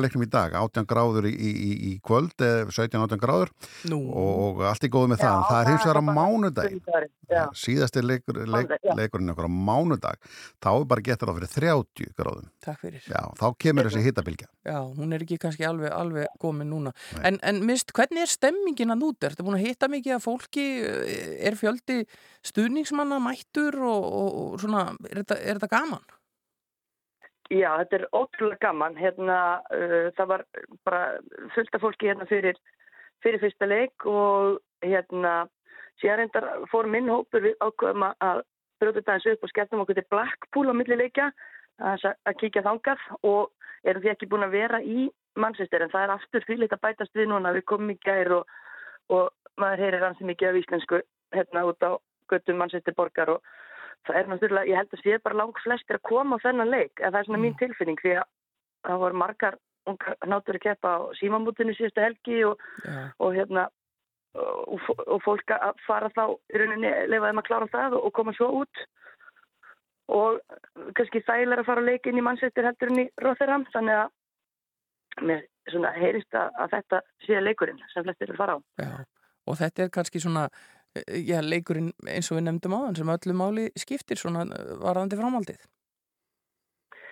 bara, það er bara dög að drepa það er ekkert, flóknar og, það er þannig rauninni fyrir bæði lið þannig að þetta verður alveg hörku, hörku leikur og, og þetta þarf alltaf að ganga upp en, en ég hef fulla trú á því að, að hlutinni geti gert það fyrir íslenska liðir það er hérna hvernig, hvernig er þetta sko, við erum eitt stig. Segjum að leikurinn dag fara í aðtefli það er komin tvö, dugar það okkur að verðum við að vinna hann að leika ánfram uh, og það er þetta búið ef við töfum honum því að við hefum kannski ekki mögulega gegn frökkum á mánudaginn? Nei, sko, ef við töfum honum þá náttúrulega fara ítalinir upp í, í þrjú stig og, og þá, já, verður alltaf, auðvitað er alveg hægt að vinna, vinna frakkana eins og, eins og það getur alltaf gert í fótbolta, en jú, jú. það er ekki, ekki ídealt að, hérna, að, að- þurfa þess, þannig að, sko, ég myndi segja bara, verðum að vinna hann leik, en ef við gerum jafntefni þá, auðvitað lifum við voninni, en hérna, mér finnst þetta að vera algjörlega tækifæri til þess. En svo náttúrulega fer bara eftir hvernig aðri leikir fara. Maður reikna með því að, að frakkarnir vinni belgina, belgana á eftir en hérna og, og klári sitt svo sem þannig lagað en ég er alveg bara forvitin að sjá hvernig Ítalinni líka bregðast við eftir skellin sem þær fengu þannig fyrstu umferð. Hmm. ég held að sá skellin því að þetta hjálpa hjálpa okkur því að ítalska liðið er gott. Já, það er koma brjálaðar eh, í þennan leik eftir það. Já, það lítur að vera, eða þá bara að, við, að, að maður er algjörlega að hérna, ofmeta þær en, en ég held það nú ekki, það er frábæri leikmið í, því liði. Já, hefur þú heyrt eitthvað af svona stöðunni og okkar liði þá nú borist eitthvað fregnir af markmanns vandraðum þó að aðalmarkverður liðsins sé í tóformi en, en eh, eitthvað að frétta svona af liðinu, eru þeir allar klárar, veistu það? Já, ég er búin að heyra svolítið í, í fjölum mínum sem eru að, að fjölmiðlast í kringu leikina eru upp í krú og eru farlegandi nær liðinu og mér skilst að það sé bara góð stemning og allar sé bara í fínum gýr og, og það sé einmitt því miður bara hérna markmenninni sem er að lenda í brasi og, og náttúrulega ég hef ekkert heyrt meiri fréttir af henni Telmu Ívarsdóttur heldur en að varust í gærum og hún hefði farið í ykkur að myndatöku og, og hérna það, það hljómar ekki vel en vonandi, vonandi í lagi með hana en, en hérna, ég held að aðra séu bara klára í slægin. Já, þetta, við skulum bara senda bestu kveðar hann og uh, þið passi ykkur á sólinni stuðnismenninir Já. og, og láta vel í sér heyra maður heyri það að það er tólvanir alveg á fullu gasið þarna. Já, já, bara, þú veist, allur, allur mannskapurinn og, og það var, frábær stemning á síðasta leik og hérna verður bara vonandi ennþá betri dag og einmitt, fólk skar að muna það að við erum ekki bara komið til að horfa á fólkbólta, við erum að koma hérna til þess að reyna að gera allt sem við getum til þess að keppa stelpunar okkar í að eiga sín besta leik, þannig að það það verður að, verður að nýta miðan og nýta sætið og, og garga úr sér lungun. Já, til þessi leikurinn gerður, maður er ekki að fara það nú til þess að, að sita með hendur í skauti. Nei, nákvæmlega, bara derhúa, sólavörn, vassbrúsi og, og góð ratbönd. Já, nákvæmlega, eh, góð skilabóð en áttu vona einhverju breytingar á liðinu fyrir þennan leik? Mm, nei, ekkit endilega. Mögulega kannski einhver tilfærsla bara eftir því hvernig leikmenn eru í skrokrum og svona, en ég held að ég held að það verði bara svipuð uppskrift Já. og síðast. Einmitt. Takk fyrir að, að eh, vera á línunni hjá okkur, Mr. Rúnarsdóttir, eh, bestu kveðjur til Englands og áfram Ísland. Já, takk fyrir það, áfram Ísland. Bless, bless.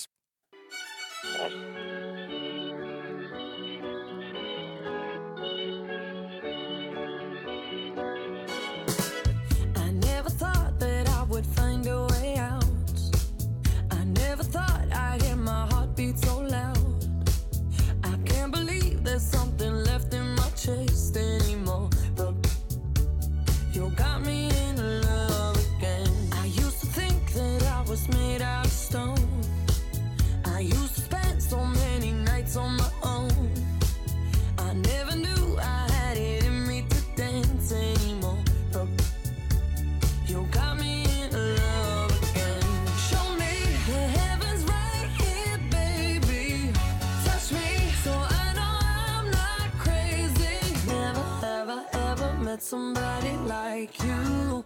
Used to be afraid of love and what it might do. But you got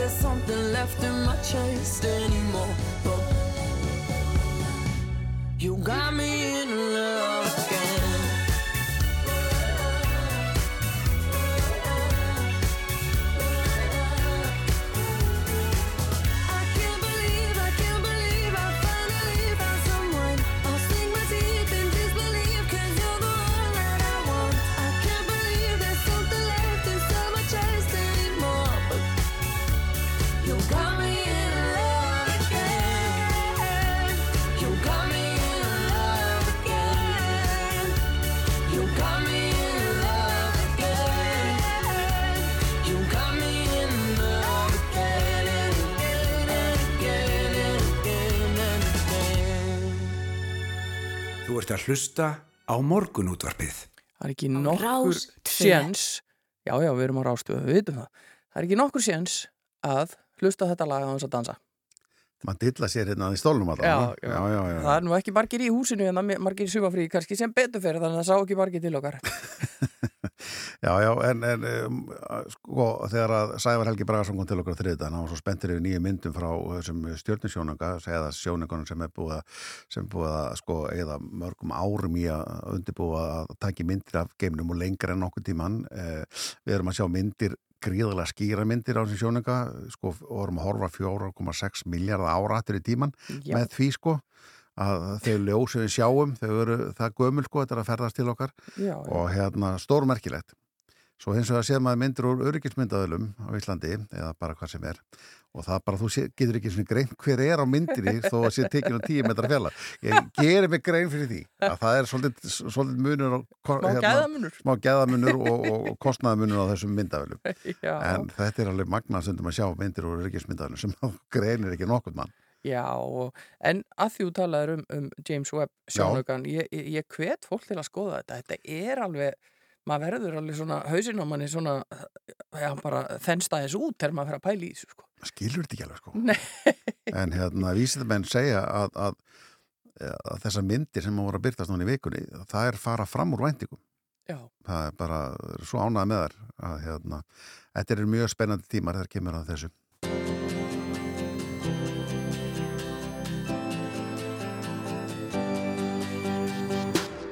Þú ert að hlusta á morgunútvarpið. Á Rástvö Já, já, þá ætlum við að forréttast aðeins um uh, árlega hugurball sem þó hefur ekki verið árlegt út af COVID náttúrulega en, en uh, þetta er uh, kallað góðsarnankent og árlegt hugurball haldið í augri við Ísafjörðardjúb uh, núna á laugadaginn og uh, það sem að uh, vakti aðtikla okkar er, er sko, ég veit að Hulda er búin að slefa hérna og sleikja út um síðan að ég fór, að- fórum ræða þetta í vikunni að það er, það er búið upp á, upp á rappa bara graut með rjóma og uh, mm. það setur í svona ákveðin búning verður að segja þegar maður heyrir svona. Nostalgía svolítil. Já, en þarna verður stuð, stuð og stemming og Telma Rödd Hafleðadóttir er einn af skipilegjendum uh, balsins, hún er á línunni á okkur. Sælblessuð Já, hæ hæ. Þetta hérna, segðu okkur aðeins að þessu augurballi, akkur er þetta góðsagnakent, þetta er búið að vera í gangi, hvað, mjög lengi? Sko, þetta hefur verið, þetta var hérna komið á laginnar þegar á uh, gamla SST samkomhús sakkuða byggt, það var byggt sem hérna ungmennahús sveitarinnar bara, 1926 Já. og, og hérna það var bara uh, nota til þess að hafa svona ball allavega einu svona ári og, og nota náttúrulega undir alls konar alls konar fleiri hluti í gamla daga. Ég svo sem ekki alveg með allt saman 100% að reyna hvað var gert þarna þetta var nota sem ungmennahús og, og bara svona fullkomin ballstafur fyrir sveitunga og, og hérna og fólki sem að bjó hérna og, já, nær sveitunga myndi ég segja þannig að það, þessu hefur bara verið haldið við. Það er bara skemmtilegt að halda ball einu svona ári og, og, og fólk er að þetta, úst, þetta er náttúrulega bara, var fyrst bara vest, sko, myndi ég bara segja Ísafjörða djúpi, það er náttúrulega langt- var langt að fara í gamla daga og, og hérna og núna er þetta árið þannig að fólk er að koma bara hvaðan af og, og ætlar að skella sér á ball og sumir koma bara á hverju einasta ári að og hérna, það er erfitt að hætta að koma, segir fólk. Já. En það þetta- verður bara, Hvað segir já, það verður bara, það heldur bara áfram að koma alltaf því það, það er svo ótrúlega skemmtilegt. Já, en þetta er ekki stórt hús, þetta er svona, er þetta svona flæðandi ball inn og út úr húsinu og einhvern veginn út um allt? Já, það er mjög mikið þannig. Það er sko húsið um, tekur sko mestala í hundra manns og þá er bara ekki hægt að segja sérninni sko. Þannig að Það er stappað. Já, þá er algjörlega stappað og, og hérna, þannig að það, við erum með fínt svæði hérna fyrir utan, þú veist, það er smá hérna grasbrekka og það er hægt að sitja á, á hérna svona hlöðunum vegg og það er nóg pláss, þannig að þetta er mjög flæðandi, fólk er bara mjög mikið á ferðinni inn og út og það verður heitt inni og hérna og náttúrulega ekki gott að, að hafa of stappað, þannig að fólk verður svolítið að vera á ferðinni og, og svo náttúrulega er menningin, þú veist, að allir að skreppa út og spjalla og, og svona, þannig að þetta er bara, þetta virkar. Einmitt. Þeir eru með tjaldsvæði þarna þannig að fólk er að tjalda eða komið tjaldvagnarna eða hjólísinni eða eitthvað slíkt á svæði vantarlega. Já, þetta er náttúrulega bara tónin hans afa sem við erum að nota sem tjaldsvæði. Það er bara, Það er á aðeinslegt. hérna, já, þannig að það er, það er nóg pláss. Þetta er mjög stór, stórt land, þannig að það er nóg pláss. Einmitt. Þeir eru með skötuveislu og rababaragröð. Já, við, erum með ekta vestfirska skötu í hádeginu á morgun. Við byrjum þetta bara með skötuvislu í hádeginu á morgun. Já. Og hægt að panta í gegnum hérna, heimasíðu Ögur Travel, eða bara Facebook Ögur Travel. Mhm. Og svo er ég búin að vera að vinna í grautnum núna síðan ég kom hérna á mánudaginn. Oh. Ég byrjaði í, í fyrradag, fór á skarniður og, og hérna með góðri hjálp mannsins míns og, og, og litla frænda míns og svo erum við bara búin að standa yfir pottanum og, og hérna reyna að gera neins góðan að við getum og svo fáum við rjóma frá erpstöðum úr dölum. Mm. Þannig að þetta Þú ert alveg að er af alveg, mér sko, þetta. Já, Er þetta að fá heimsendingu? Ég verð að koma bara, þetta er ekki að hægt. Þú verður eiginlega bara, já, þú verður eiginlega bara að koma. Þetta ljómar vel. En, en sko, hvernig fer þetta fram með grautin og ballið? Ég minna, hundra manns inn í stöppuðu húsi að dansa í, í svaka stuði. Þú ert nú allar skoplið í grautnum á dansskólufinu. Hvernig er þetta útverst? Sko, já, við erum náttúrulega bara með þetta í nokkrum pottum. Þetta eru fjórir, fimm pottar, alveg svona stórir, þú veist, gömlu, gömlu tegundirnar af, af pottum, já. Og hérna, við geymum þess inn í íbúðurhúsi og svo bara hlaupum við yfir með pottana þegar það klárast. Þetta er bara, við erum með litla sjoppu inn í, í samkomhúsinu og hérna, og þar erum við sérst alltaf með eitt pott og það eru skálar og skeiðar og svo bara kemur fólk og byður um graut og, og hérna, og það bara má gera það sem maður vill við hennan það- sem að dansar og borðar eða fer út og borðar eða hvernig sem fólk vil hafa það. Þannig að það er alltaf grautur í afgriðslunni hjá okkur. Við erum að, veist, við erum að selja fleira og það eru pilsur og, og, og litlar dósir á alls konar og, og hérna. Þannig að fólk þarf bara að koma og segja, geti fengið rababaragraut. Og þá varstu koma með það í hendunar. Já, ég veit að Hulda sko við, vantar auðskriftina ég, svo, ég sé út með auðskrift ömmuðinar mægi í augri eh, hún Já. vantarlega bara gengur bara í erfiðir og búið. Er þetta lindamál? Já, nei, þetta er ekki reyndamál, það er ekki. Við erum náttúrulega bara með allar uppskrifta bækvarnir hennar ömmu, þannig að bara hérna í húsinu og, og hérna, þannig að maður bara, maður flettir stundum í gegnum þar og, og nær sér í uppskrift og svo erum við bara svo mörg hérna að það er stundum verið að baka eitthvað handa öllum og, og hérna, þá er alltaf gott að hafa bækvarnir hennar ömmu bara upp í skáp. Þetta hljómar dásamlega. Já, þið, Já. Og, já, já og, og svo er náttúrulega eins og talaðar hann um dansiball þannig að eh, þið eru með tónlistamenn á svæðinu og, og bara nóg, nóg um að vera þarna og þetta er hálfgerð Já. bara ættar mót hjá ykkur Þetta er náttúrulega, sko, þetta er svona viðbörður ársins sem að flestir reyna að koma af sagt, þau fjölskyldinu minni. Það eru, þau eru mörg sískinin og, og það eru komin mjög margir afkomendur og, og hérna og við bara reynum að tróða okkur öll hérna og sumir eru kominir út í fellihísu og svona. Þetta bara, þetta þjappar fjölskyldin alveg rosalega mikið saman og, og hérna er bara ótrúlega dýrmæti tími til þess að koma saman og, og bara vinna saman og, og eiga góða stundir. Já, Þannig að þetta er bara, þetta er mjög dýrmætt. Þannig að við náttúrulega reynum bara að halda þessu gangandi. já, veistu eitthvað með veðurspá svo ég ætla nú ekki að vera kannski leiðalegur hérna í lokin en hérna, hvernig er veðurspáin fyrir helgina hjá ykkur? Já, ég, uh, ég veit ekki alveg, Nei, nei, ekkert að ekki spá í að það. Nei, nei. já, það, það er svona við erum að bara vona að haldist fyrr en, en það getur alltaf breyst, maður veit ekki alveg. Nei, nei, klæða Það er sig bara svolítið eftir veðri mikilvægt hvað að spá maður. Já, maður verður bara að klæða sig svolítið vel eftir veðri og, og hérna, vona að besta. Þetta verður bara skemmtilegt. Við höfum alveg gert þetta í alls konar veðrum. Já, já, Þannig að að það þýðir ekkert að, við verðum bara að vera bjart sín Já, og jákvæð. bestu hverði verstu Telma Rödd Hafleðadóttir og takk fyrir að spjalla af ykkur og segja ykkur aðeins af að þessu árlega ögurballi og uh, það sem dró okkur að þessu var rababaragrauturinn með rjóma Já, og sveitaballastemmingin ekki síst. Já, já, já, ég sjálfsögðu Já. Góða það skemmtun um það helgina. er alveg, Já, takk hérlega fyrir og gaman að heyri ykkur. Takk fyrir þetta. Bartles Góða skemmtun. Já, já, og heldum áfram að tala um hér eftir smá stund að þá var það stærsta gödubita hátíð á Íslandi og voru haldin í hljómskólagarðinum um helgina. Og Robert Aron Magnússon kemur til okkar eftir smá stund, það veit allt um málið. Hér eru réttar á Steffsson eins og þar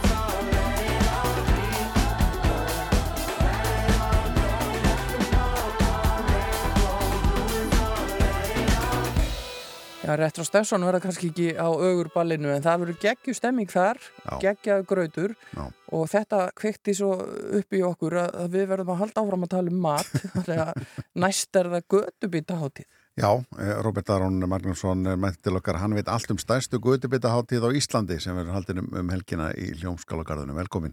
Takk, góðan daginn. Já, góðan daginn og daginn. segð okkur aðeins að þessu. Þetta er, þetta er, eh, það hefur verið svona guðubitaháttíð áður Já. og þetta er alltaf að stækka eða hvað? Já, við sagt byrjum 2019 og hérna þá heldum við fyrstu hátíðinni á miðbakkanum og þetta er sagt samansapn af öllum helstu þeir sem er að fókusera eða einblýna á göttubita eða street food og þetta hefur verið vaksandi hér, þetta er náttúrulega búið að vera mjög vinsælt uh, erlendis, bæði nákvæmlega löndum köpen sérstaklega Mhm. og já, bara út um allan heim.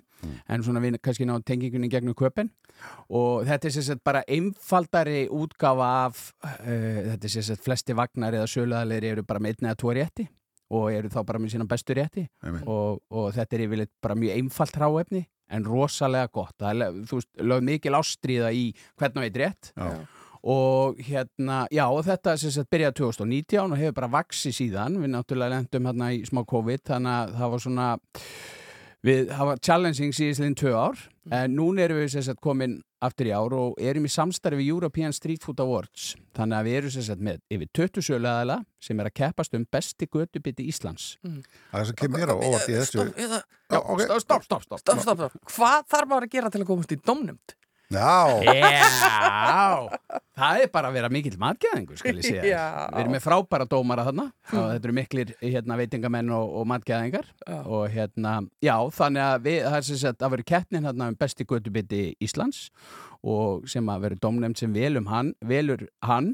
Og síðan munu gestur og gangandi geta kosið um göttubiti fólksins. Og það verður gert rafrænt, þannig að við munum hérna vera með sérstakann tengilvarandi það um, um helgina. Og Sigurverðin mun svo halda áfram til Munhén í Þýskalandi og keppa þar á stærstu götubitaháttíð í heimi, European Street Food Awards og þar koma sagt öll löndin sem eru búin að vera með forkeppnir eins og við Já. og það er bara slegist um hver er besti götubitin í Evrópu, slæs heimi já, já. Já. og Það En- kemur mér á óvart í þessu öllu saman eru hversu margir uh, gutt, eða svona bílar eru. Já, þetta er alltaf aukast og þetta er líka, við erum náttúrulega búin að rosa duglega í síðustu ára og svona viðhalda þessu og Mm. búa til þetta plattform, við erum Já. búin að ferðast út um all land og, og, og mikið hérna í, í Reykjavík og öll, öllum útkverfunum Já.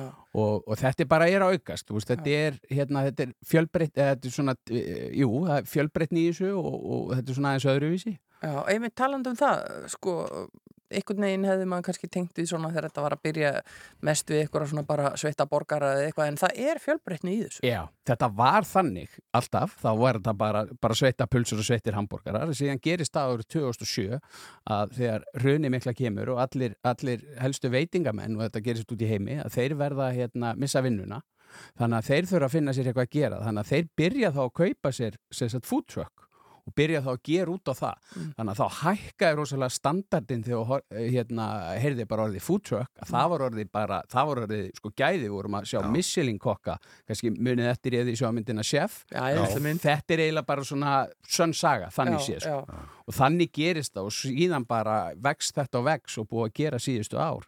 Þannig að nú ertu bara farin að fá ég meina við erum tala um eins og Silla Kokk sem reyndar hefur unnið þetta núna tvö ár í röð Já, heldur betur, en ég meina að þannig bara komið metnaður í, í, í þessa tegunda mat Mhm. og það er ég bara að sjá aukast og aukast og aukast Já. Þannig að Þannig hérna, að það ættu allir að geta fundið eitthvað við sitt hæfi eh, á svona hátíð. heldur betur, það er yfir 20 sögulegaðilega að bjóða upp á mat Já. Þannig að hérna, þetta er bara risa matseðil Já, þeir í hljómskólagarðinn og þá verður að bjóða upp á hoppukastala og all fjölskyldin getur notið sín. Já, já, já, frábæð leiksvæði fyrir krakkana og nóga mat og, og svo erum við með bjór og bublubílin maður og Don's Donuts og alls konar eftirréttavagna líka og þannig að þetta verður bara gríðileg stemming og, og sem sagt, þetta byrjar klukkan eitt á morgun, nei, nei, nei, á lögadaginn þetta er milli eitt og sjö á, á lögadaginn og svo milli eitt á fimm á sunnudaginn Já, þannig að þú gætir faktisk síðan tekið, ég alveg sko, hádegis og kvöldmatt báða dagana. Já, þú tek- tekið nokkra Ég sé típur. að Hulda er búin að skipuleggja Ég var að plana helgina. Ég meina um að gera því að Já, já. það er bara þessu eins og svona viðbyrði sem þú ert að fara að prófa eitthvað sem þú færði ekkert annar staðar þannig að hérna, við bara hvetjum alla til að koma og smakka. Og domnefndin sem sagt, eh, tekur út matinn eða sem sagt, dæmir hann á lögadeginum og svo verður tilkynnt á sunnudeginu Já, þú talar um, um uh, Guðjubita fólksins, uh, það er vantalega þá inn á uh, Instagram og eitthvað svona? Já, þá munum við gera það í gegnum okkar síðu sem sagt, inn á Facebook og Instagram sem er bara göttubindin Reykjavík Street Food. Og þar verður bara tengill eða linkur og þar getur þá valið þinn uppáhalds göttubita og hann verður þá kosin göttubiti fólksins. Já, hver er þinn uppáhalds Guðjubiti?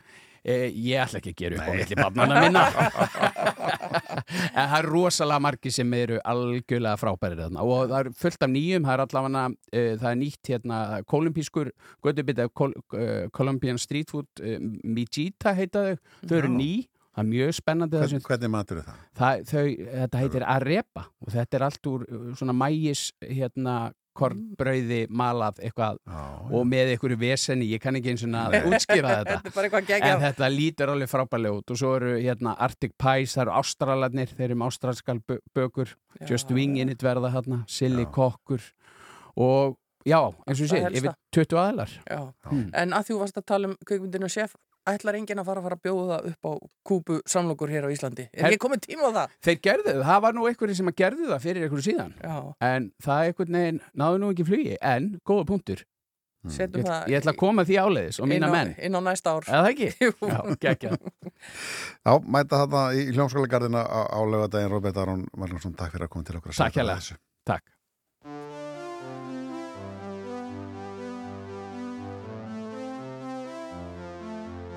We were so magical, why end this way? I know you're furious, you're just like me. You got good reasons, but I do too. What really happened here? I wish I knew. It escalated so fast.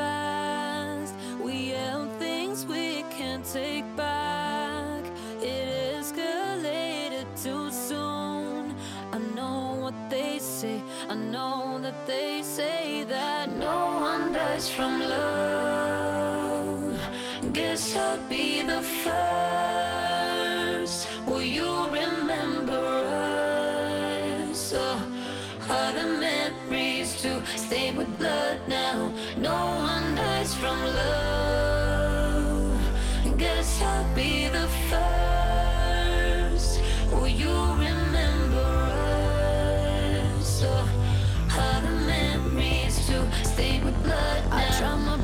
Best with you, you claim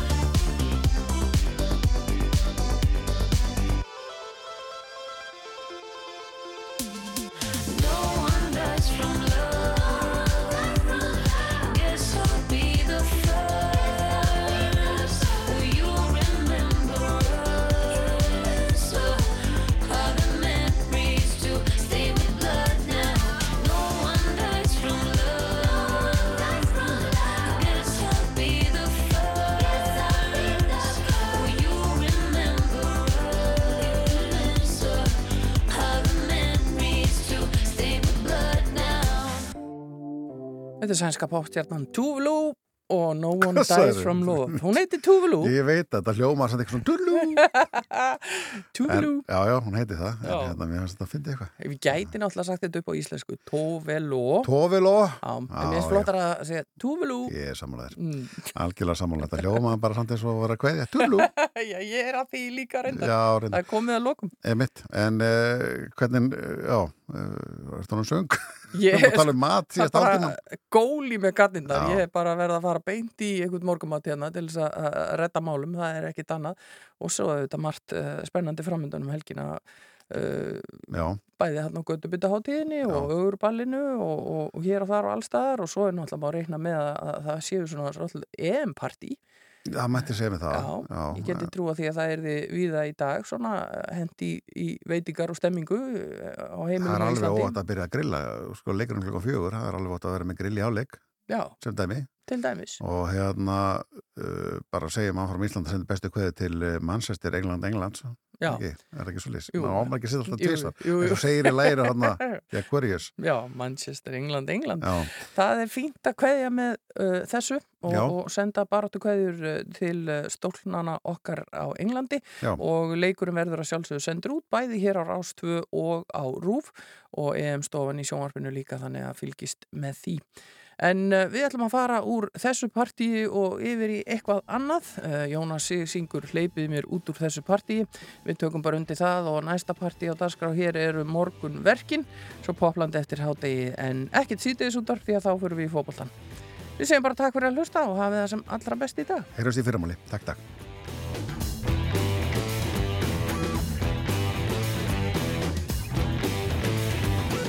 Hleypi mér út úr þessu partí Hér allt í steik. Hleypi mér út úr þessum flókna lábrasleik sem endar hverki eins og góði dáti sveik. Hleypi mér út með rækjandi reik með rækjandi reik með rækjandi reik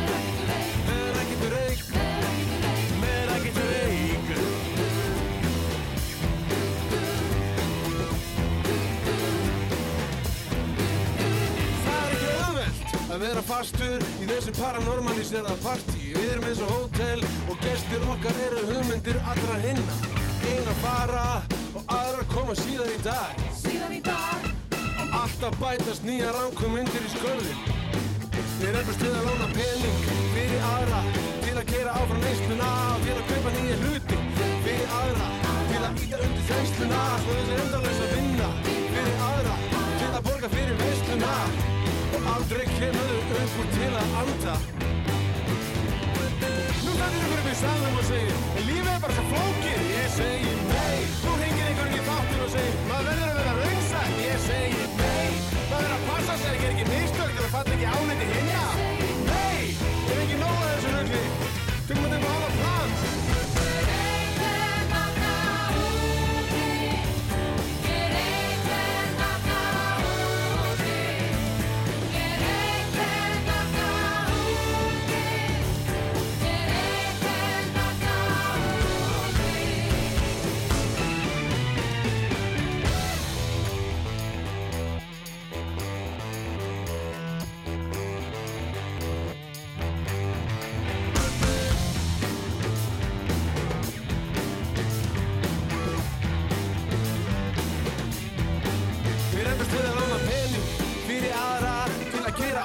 neysluna og til að kaupa nýja hluti fyrir aðra til að íta undir þengsluna svo þessi endalösa vinna fyrir aðra til að borga fyrir veisluna.